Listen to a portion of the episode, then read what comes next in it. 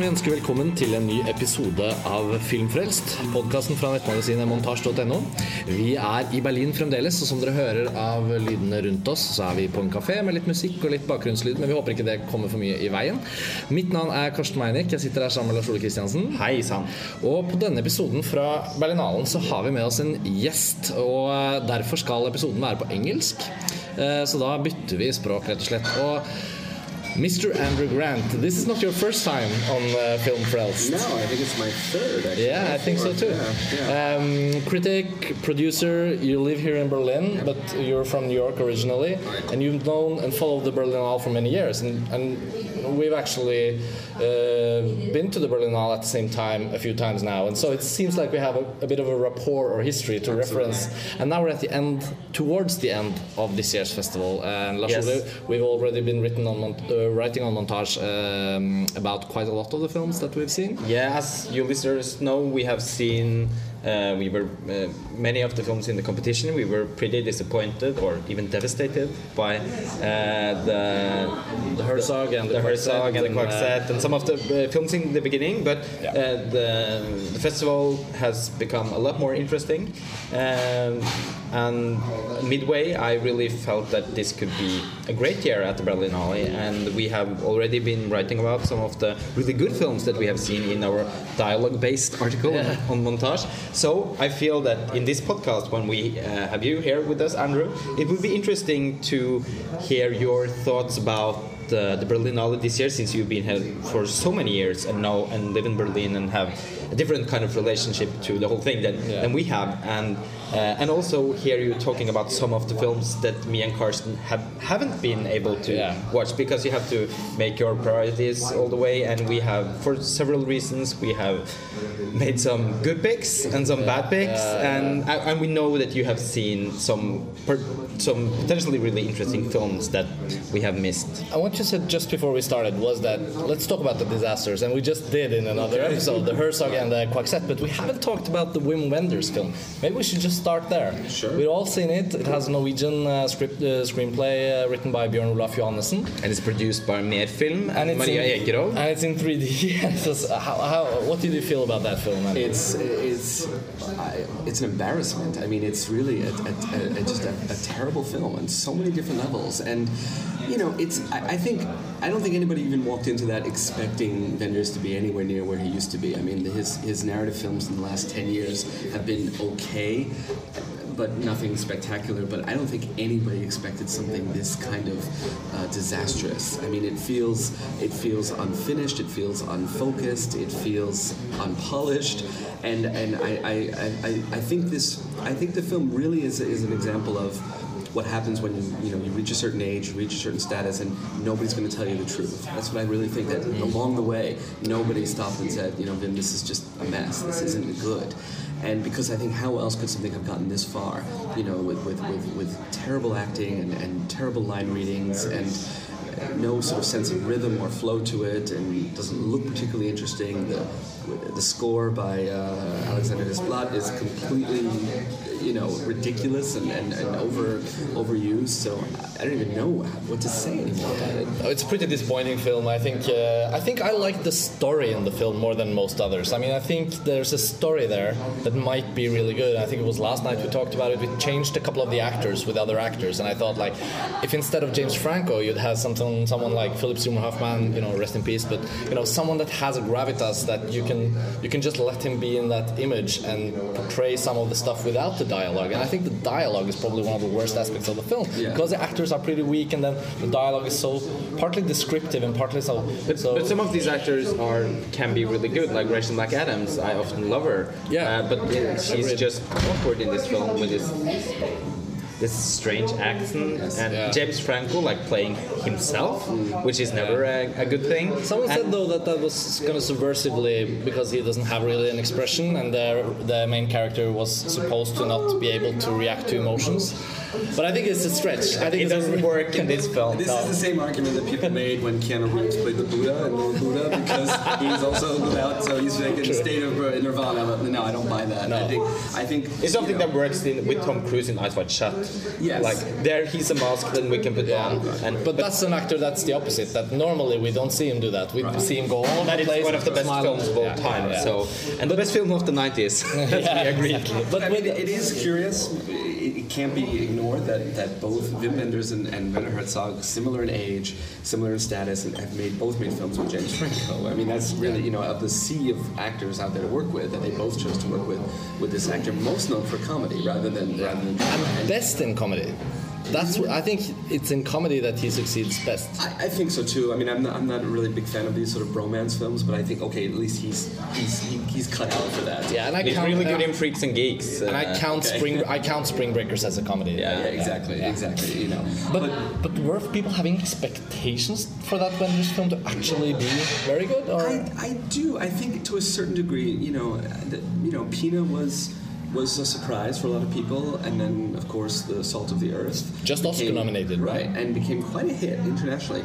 I personally found it to be a rather weak film. Um, I mean, I love uh, the uh, Salgado, but the film to me was very much a slideshow with some, some with him talking over it, and I really would have preferred to watch those photographs like in a gallery and have a you know a pair of headphones like an audio commentary because it really to me didn't work so much as a film. And, and Wim has this habit of interjecting himself into the film, and that I found was really annoying. And then he brings his son into the film as well. Like I thought that, that was a bit strange.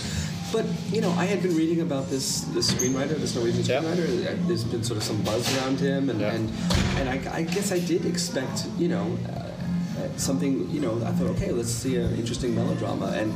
The idea of making a melodrama in 3D seemed ludicrous, and I was yeah, that's absolutely right. But I think there was, you know, expectations that okay, maybe he has returned to, to form and would tell a, a moving story. But what did the German critics say? Did they? I, I, you know, honestly, I have not really had the chance No, to catch no. up. It's funny though that the, the, they were very kind to the Herzog film, much kinder than a lot of people thought they should be. Hmm. And there's this, felt this, in the, and usually German critics are quite harsh on German filmmakers, but maybe they feel, okay, someone this established, someone with this length of a career. So maybe they're the same with Wenders. I mean, it's also a little bit embarrassing because so much of the festival this year is built around Wim Wenders. He's getting this Lifetime Achievement Award. Exactly, They- They've yeah. restored several of his films. They're doing a full retrospective. He's Yeah. at giving talks. He's all over the festival. He has Yeah. like ten pages in the catalog. Yeah, yeah. And now he's got you know what probably is the worst film in competition. I, I mean, it's a battle between him and Coixet. I'd Yeah. say. You know. I think that Coixet, Coixet is uh, is uh, Is the, the worst. it's yeah. But that's talking the about worst. the talking about the German films though, no. So so the Werner Herzog we all agree it's a huge disappointment. Not feels like a German film though. It feels like a Euro pudding, as we Euro call pudding. it. Uh, Everything will be fine is a Canadian set story in a way, and it also feels like it's a bit some, from everywhere. It feels like a typical co-production as a- Charlotte Yes. Gainsbourg is there, James Franco here, Rachel McAdams there. But then we have also seen an, a purely German film, uh, Victoria. It's pretty interesting. We wrote a bit about it. And that's gotten their Germ- German critics a bit more excited, hasn't it? Absolutely. I mean, and personally, I think that, you know, if you can remember back in the, God, I don't remember what year it was, when, when Lola Rent, Run Lola Run was released. I mean, that was like a shot in the arm to German cinema. And there was a lot of buzz about it in the States, and critics got excited again because German, too, yeah. German cinema had been sort of, you know, after the 70s, it had sort of been languishing for a while in the early 80s, but then, then this film came out, and everyone said, wow, this. But it didn't. That, that promise was never really fulfilled. Like even even Tom Tykwer, he never made anything. Like he didn't never made anything that really was good or was interesting. And other filmmakers didn't sort of follow in that wake. No. And this film to me feels like the first exciting sort of really like like big German film in quite a while. There have been some very small films. Last year, the the uh, Das merkwürdige Kätzchen, The Strange Little Cat, was a really fantastic film, but it's a very small film. I mean, this is a film made by two film students, basically two brothers, and it's a really charming, very Berlin story. But this is now a, a film that definitely will have international appeal. Um, We should probably present it. The film's title is Victoria, Yep. and it's a single shot film.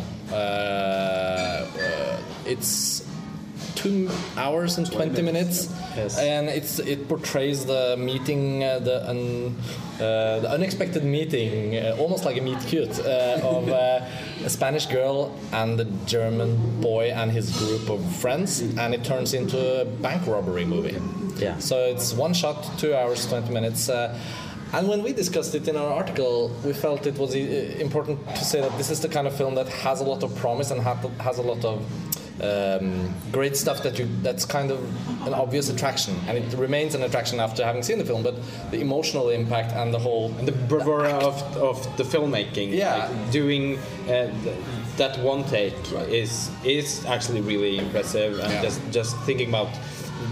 The, the focus puller, he's he must have had a really hard day at job Yeah, and yeah. at work, Yeah. and And apparently, it was the, the, the DP himself. He actually did it himself. he did the It's- focus. That's even more impressive, did and that's do that. actually it's almost unbelievable. I This, think. now it's now it's um, it's been we've been we've learned that the cinematographer is actually Norwegian, so we can be a bit like it's the Norwegian tradition to be proud of anyone who is Norwegian who's involved. and he's so- based in Copenhagen. based in Copenhagen, yeah. But but but but Norwegian. but when you're thinking about the film now, a couple of days later, I mean, does it? I mean, still wish the film had the much more emotional impact on me, not just thinking about it. I mean, I wouldn't say it has an emotional impact, no, but I think, in terms of, I, I think, you know, it's a film that has a great technical achievement, but it also has a good story as well. And the fact that it's, what, 45 minutes in, or maybe almost an hour in, when it suddenly changes and Yeah. it becomes more of a genre film, which I know, Lars Ole, you had a little bit of a problem with. You seemed to feel like at that point it, it's, it fell down. Yeah. I kind of liked it because I thought, okay, it, it we, they gave us enough time with these characters in real in real time to sort of see that okay, when that happens, yes, perhaps it's far fetched. Yes, perhaps some of the choices characters make are, but it works, and I, I felt it, and, and I feel it did stick with me emotionally, and that Yeah. But I, I, I felt that I had problems accepting that the characters develop so intense emotions. So the emotional impact of this type of film becomes even more important in a way, I think, when the concept is so conceptual. Mm-hmm. Then it's like, okay, we have the concept, it's fantastic, it's in one shot, and it's really well made. I mean, it has to be said. Yeah. It's going to be worth seeing just for to see it because it's something else than Russian Ark and that. It is an actual story and It's, it moves. it's and, uh, easy to recommend the film yeah. because of that. and uh, as you said, with uh, with the cinematographer doing that so much, so much great work. But I wish, I wish, I wish, I wish it had a stronger sense of sort of desperation or, or I felt that the story something. was in some way like surprisingly ordinary. Like I, I well, okay. yeah, in some way because I hope that it would surprise me more along the way. Uh, except from that one, like when she decides to go with this with her new criminal friends Yeah. and and be a part of a bank robbery, which is a very strange decision. Uh, apart from that, it feels pretty conventional, I think, in its storytelling. Even though the storytelling technique is somewhat original because of the one take, uh, it still felt like the last half, uh, like the last hour of the film, to me felt like uh, someone ripping off early Nicolas Winding Refn films and like Pusher trilogy, uh, but not as good. And I was, I was so in the end, I was pretty disappointed by the film because I really felt it had potential uh, and. But still, I like I said, I think it's an easy film to recommend, but just because it's it's in some ways still something quite extraordinary. I, I I- really do think it's one of the most exciting German films to come out in so Yeah. quite some time. Now, now, now that I've lived here for four and a half years, I see many more German films because Yeah. not that many get distributed. The only German films that wind up in the States are if you have Nazis or Stasi, you're guaranteed distribution. but otherwise, it's very hard if you have, you know. So I think, but I think we all skipped the Hirschbiegel uh, this morning, so Yeah. we can't really discuss that. But No. talking about films with with Nazis and, and Second World War, and there, there's cliches about what He German went films, back to his German his roots after yeah. Diana. Yeah, we had uh, we had the pleasure of seeing a documentary down here that's also sort of German, uh, but it's uh, directed by a Danish filmmaker, Christian Braad Thomsen. He made a documentary about Fassbinder, Yeah. and uh, I think both of us felt it was a not only a really great uh, documentary the way it was made, uh, but also just another rec- um, reminder that Fassbinder's persona and his life and the fact that he made how many 40 50 films? It's just amazing. It was a really nice screening with uh, all the couple of the people that worked with Fassbinder was there after and nice to see Christian Braad Thomsen, which is a, a magnificent Danish film scholar and writer and film critic, and he is and documentary filmmaker. He's just a, quite an extraordinary man. Yeah. I've read several of his books, and he writes really beautifully about cinema. And he has also written a book about Fass, Fassbinder, which is really, really good. And uh, I felt that the film, this kind of documentary, can be like pretty it's always interesting if you're interested in Fassbinder like then a documentary about Fassbinder will be uh, good in some way. Yeah. like it you will you the will quality is not so important. You just watch it and it's the information but the whatever. film actually had I think it was a really good documentary as well because it felt so personal. It, and he had a close friendship with Fassbinder. Yeah. and I didn't know that it was that close. Uh, and it felt like it was kind of a love letter to his friend and Yeah. the legacy of uh, Fassbinder And I think the way it was framed like that, it was pretty, pretty great for the film that he did that choice because then it transcends just being another one. I think he said in the Q and A that uh, uh, there was no German money in it because all his, the answers he got was that uh, why do we need 21st documentary about Fassbinder and etc etc. But in the main competition, uh, we saw the I'm going to call it the Eisenstein movie. Uh, Yes. that's pretty fun. Uh, of course, it's a Greenaway movie. Uh, what was the title again? Eisenstein in Guanta Guanajuato eller något sånt? yes Yeah. Guantanamo Where are you on Greenaway?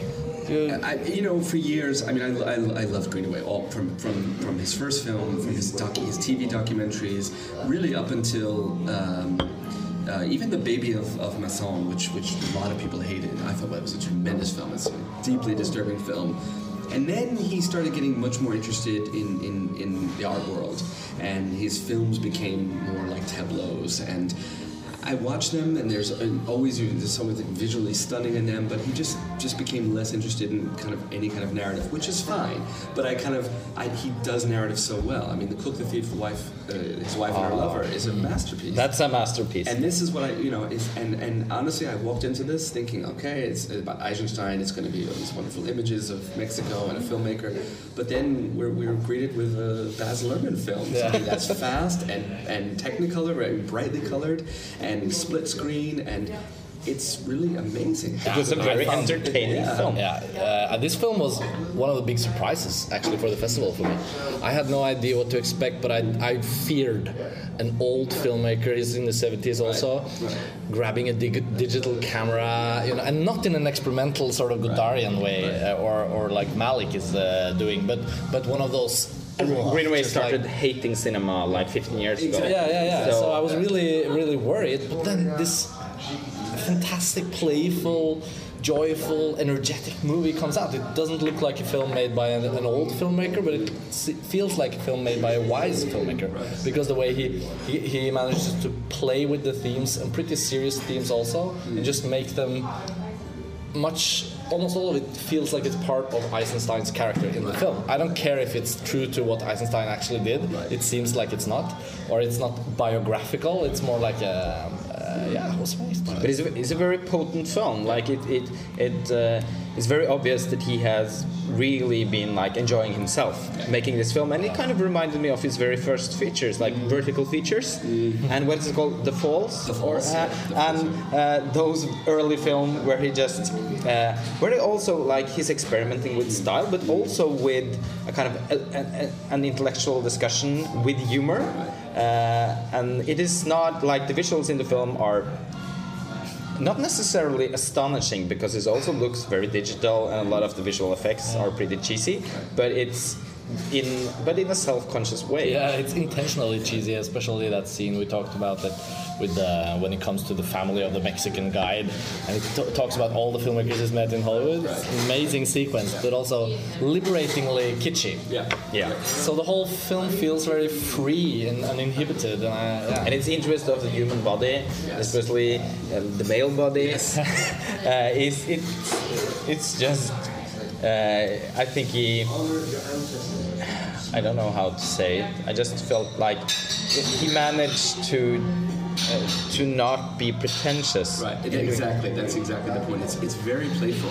It's a real reference to, to Eisenstein and his contributions to cinema, but but rather than, than address that, I mean, here's a film that really tells one of the most tragic stories in history of a film that was that was taken away from the filmmaker, but we don't see any of that, right? There's talks about it. They, they talk about, oh my God, Sergei, you're shooting you know hundreds of kilometers of footage, but we never see any of that. It just deals with about the man and his potential inspiration, what what, what drove him to uh, to to want to make this film, and, and, what it was like being there. And I thought that was fantastic. I mean, it really was a sort of a really perfect approach to yeah. to to someone who you know and he, and he obviously uses a lot of footage from Eisenstein's films. We see we see you know tons of info. We see some sketches of his.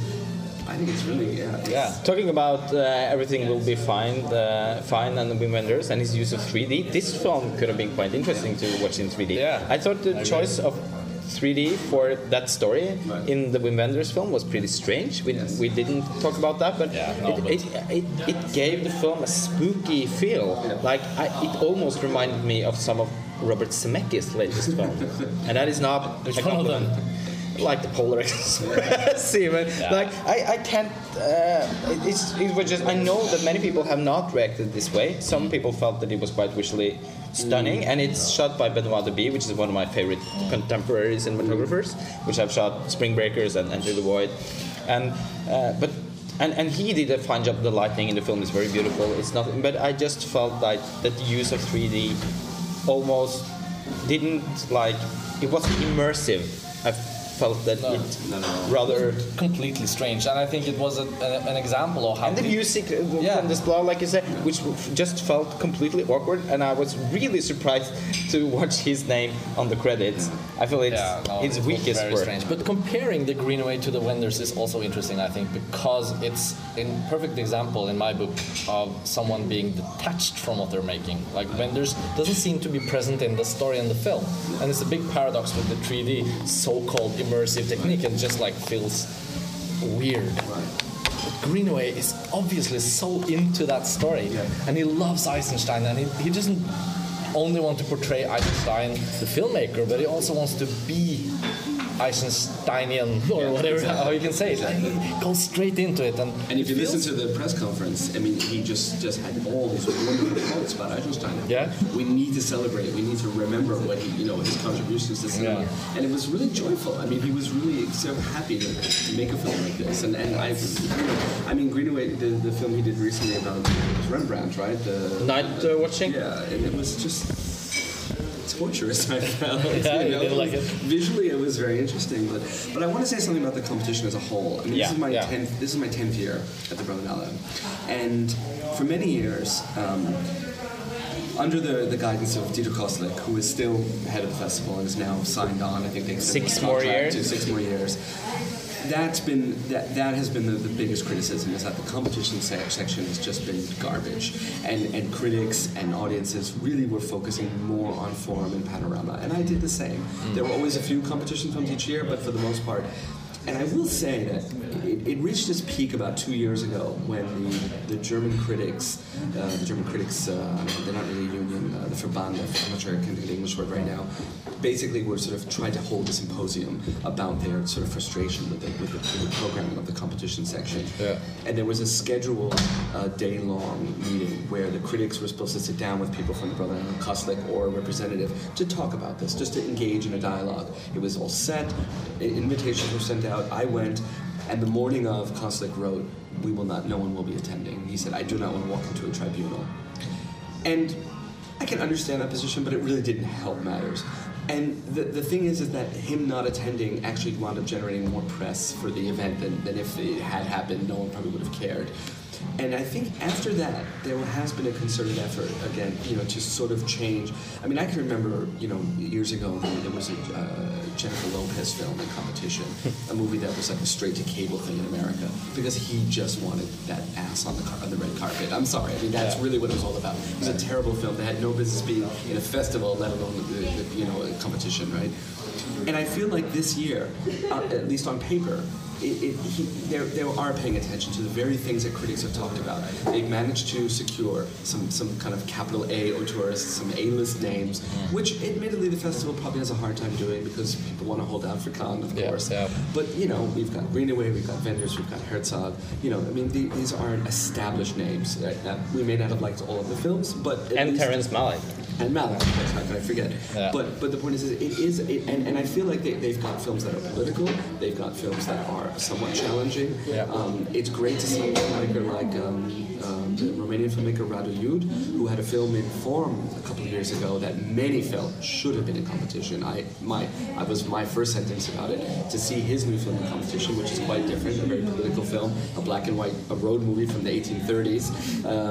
But I really feel that as a whole, this the competition slate has been more interesting. Yes, we've been let down, but I, I, you can't fault the festival for that. You know, I mean, to of say that they wanted to build a, well-rounded portrait of okay, here's world cinema right now, and I think I, I give them a lot of credit. I focus much more on, on the competition, and what's surprisingly, you and I discussed this the other day, or the three of us did, is that in the Forum and panorama each year, you always hear about certain films that are really getting buzzed about. And this year it hasn't been that. There's people say, oh yeah, this is good and that is good, but there's not like the one film that's drawing. Really, a lot of a lot of attention has been on competition, and I think that's a good thing for the festival. I think it's been you know a stronger year. I think that though tomorrow is the last day of the press screenings, there some of the films that I'm most excited about. It, there has been a history at the festival where on the last day sometimes are the most interesting films. Uh, personally, like I remember years ago, uh, Ozon's uh, Angel was screened on the last day, and no one was left to see it, and you know it didn't win anything, but I think it's a tremendous film. So I have a lot of hope for. There's a Vietnamese film, the title I forget, and the, the Sabu film. So you know, I, I say you know, congrats to the festival for, for actually really giving us a competition slate that is worthy of this festival. And you've got to remember in the, in the 60s, and if you look at the films that won, you know, uh, Satyajit Ray won two years in a row, The Golden Bear. I Yeah. mean, these were world premieres, of, I mean, or international premieres of Yeah. these films. Yeah. And it's nice to see them, okay, trying to, you know, let's let's not worry about celebs on the red carpet. You No, get yeah. them, you know, Yeah. you get Natalie Portman and you get Cate Blanchett and, Exactly. and, and James Yeah, Franco. No, but it, you get a lot of James Franco. No, but I, I, I agree. I wasn't here last year, but I remember you uh, writing me, Lars Ole. I was out traveling, and you just said the Berlinale was. I mean, there was so many bad films, and I got like, oh Jesus, that sounds bad. Uh, but this year we can't really have that conclusion at all. No, I'm- Yes, there's been the catastrophe feeling things, but that's a single film, and then there's another single film, but then there's eight, nine great ones, and uh, that's yeah, I think that's a Two good ratio. days of the festival was a little bit alarming, Yeah. but uh, everything. But still, we saw the Everything is fine. Everything will be fine. But the Frotella Europa, the documentary we saw in Forum, that was a uh, bright uh, spot on the first day. Yes. And then slowly it's been building, and I totally agree with you, Andrew, that uh, that competition in itself has also, you know, just by looking at the catalog, you'll be like, oh, that sounds, mm, that's pretty. I'm, I'm gonna watch that one. That one. Andrew Haigh film, them, uh, yeah, Andrew Haigh film, 45 years was really good. Uh, the uh, Patricio Guzman's The Pearl Yeah, Button, Pearl Button was documentary like we have Still been the best about. film of the festival in my book. yeah. I agree. I was gonna ask you that. I haven't. Uh, the, the, the, the two films I regret not seeing, and I will catch them this weekend, is the, the, the Guzman and the Pablo Larraín film. Yeah. Yeah. We haven't we haven't seen the Larraín. Pablo Larraín film. And many say this is the best of the festival. Yeah. And, and he's a filmmaker to me, has just had a fascinating career, and I cannot wait to see this. But we might also have to wrap up now. And uh, and um, uh, what what what has been the best film for you? Is it the Malick? It still is the Malick. Yeah. Okay, let's conclude with Malick once more. Then we did a podcast 15 minutes. Yeah, ago. but let's hear your Yeah, thoughts about yeah. the film. I mean, you know, like everybody who who loves Malick, we've, we've you know been fascinated watching suddenly this this massive increase in output, you know, after so many years. And I think this, this film is a, is really an extension of, of Tree of Life and, and To the Wonder. In a, in a small piece that I wrote, I actually, to me, I feel like To the Wonder was almost like a blueprint or a, or a, or a, uh, a proof of concept. Because to me, this feels like an extension on that, the idea of a relationship without giving us the relationship. Here we've got a, a person who's having a crisis and a breakdown. And Malick is, is seems to be moving further and further away from narrative. He doesn't care. You know, he, he, he has he has place. He has ideas, and he just wants us to sort of like feel this film in a way. Every time you know, uh, Brian Dennehy's going into some monologue, the volume is turned down and up comes the music, uh, whether it's Grieg or or um, Biosphere. Biosphere or or or Arvo Pärt. It's really wonderful, and and and to me, is to see things that we've never seen in a Malick film. Mar- Malick's done a lot of period pieces. He's dealt with more kind of abstract, you know, landscapes, and now we're seeing Los Angeles and we're seeing Las Vegas shot in a way that I've personally I've never seen before. I mean, Vegas has been in countless films, but the way he sort of gave it this kind of artificial reverence, you know, the, like like truly like like trying to recreate the gods in a way, you know, and, and the great temples, and, and it, it's it's just it's a film just so full of things to absorb, and and you know I, I do think that it's going to be controversial. I think the depiction of women is going to be you know something that is raised because you know they are basically objectified and they're playthings for him. But let's keep context. He's a he's a he's a Hollywood screenwriter, very shallow, very vapid. He's having a breakdown. Of course, he's going to turn to the thing that he thinks is his salvation is women and sex. So it's kind of unsurprising that that, but still to some that will be you know twirling times twelve. You know. Yeah, yeah. but I, I think it's really I think it's will be remain one of the strongest films of 2015. I think uh, I couldn't agree more. We, we think so too. Um, you managed to watch it one more time actually, Lars Ole, since Yes, last time we I talked did. about it. Now you've seen yeah, it twice. does play the second time. Uh, I thought it was. Uh, I, I don't know how to put it. I felt I had a really good time watching it again because I felt that the small issues I had with the film almost disappeared because now I could accept that okay this is the film no I haven't to and I know I will watch it countless time and times and uh, just being very I was very I was I was like, I just felt that my initial reaction to the film was uh, was probably uh, uh, how should I put this? Uh, I just I was it, it, it confirmed my love for the film, even though I, I, I couldn't I'm I was still so kind of moved by its images and, and the flow of the film. So I couldn't like go in and analyze it in a more. Uh, I, I, I couldn't feel any kind of anal- distance to the film. The second, so I couldn't find out more things about it really. Uh, that's maybe for the third or the fourth time, but I was uh, very satisfied with, with the second view, viewing of it. And I just, I, I agree with you. I, I feel it will probably stand as one of the more important works of cinema from, from 2015, and um, together with the, the the Pearl Button, it's still my favorite of the festival. Yeah. Can I close with a quote from the film? Do- please, please There's a, there's a line of dialogue in the film. It's actually more of a back a line in the background, but it's heard very clearly that the kind of line you'd never expect to hear in a Terrence Malick film. Some Hollywood executive, and he's saying, "Living my life is like playing Call of Duty on easy. I just go around and fuck shit up." Terrence Malick is moving into new territory with his uh, new film Knight of Cups. Uh, as always, Andrew, it's such a pleasure to have you as a Thanks guest, a guest on our podcast. Uh, we know that there's countless more hours to be had, and we have them without the recorder. and maybe in the future we can do even longer episodes. But this is a snippet. It's a good uh, temperature sort of measurement of the Berlinale 2015. Uh, thank you again for listening. I'm gonna do the final part also in English, I guess, for the first time. Uh, we're happy to have you as listeners for Filmfrelst. Thanks for bearing over with our poor English, and uh, I hope you enjoyed Andrew's perfect American accent. uh, we'll be back soon with another episode. Uh, bye bye. Bye bye.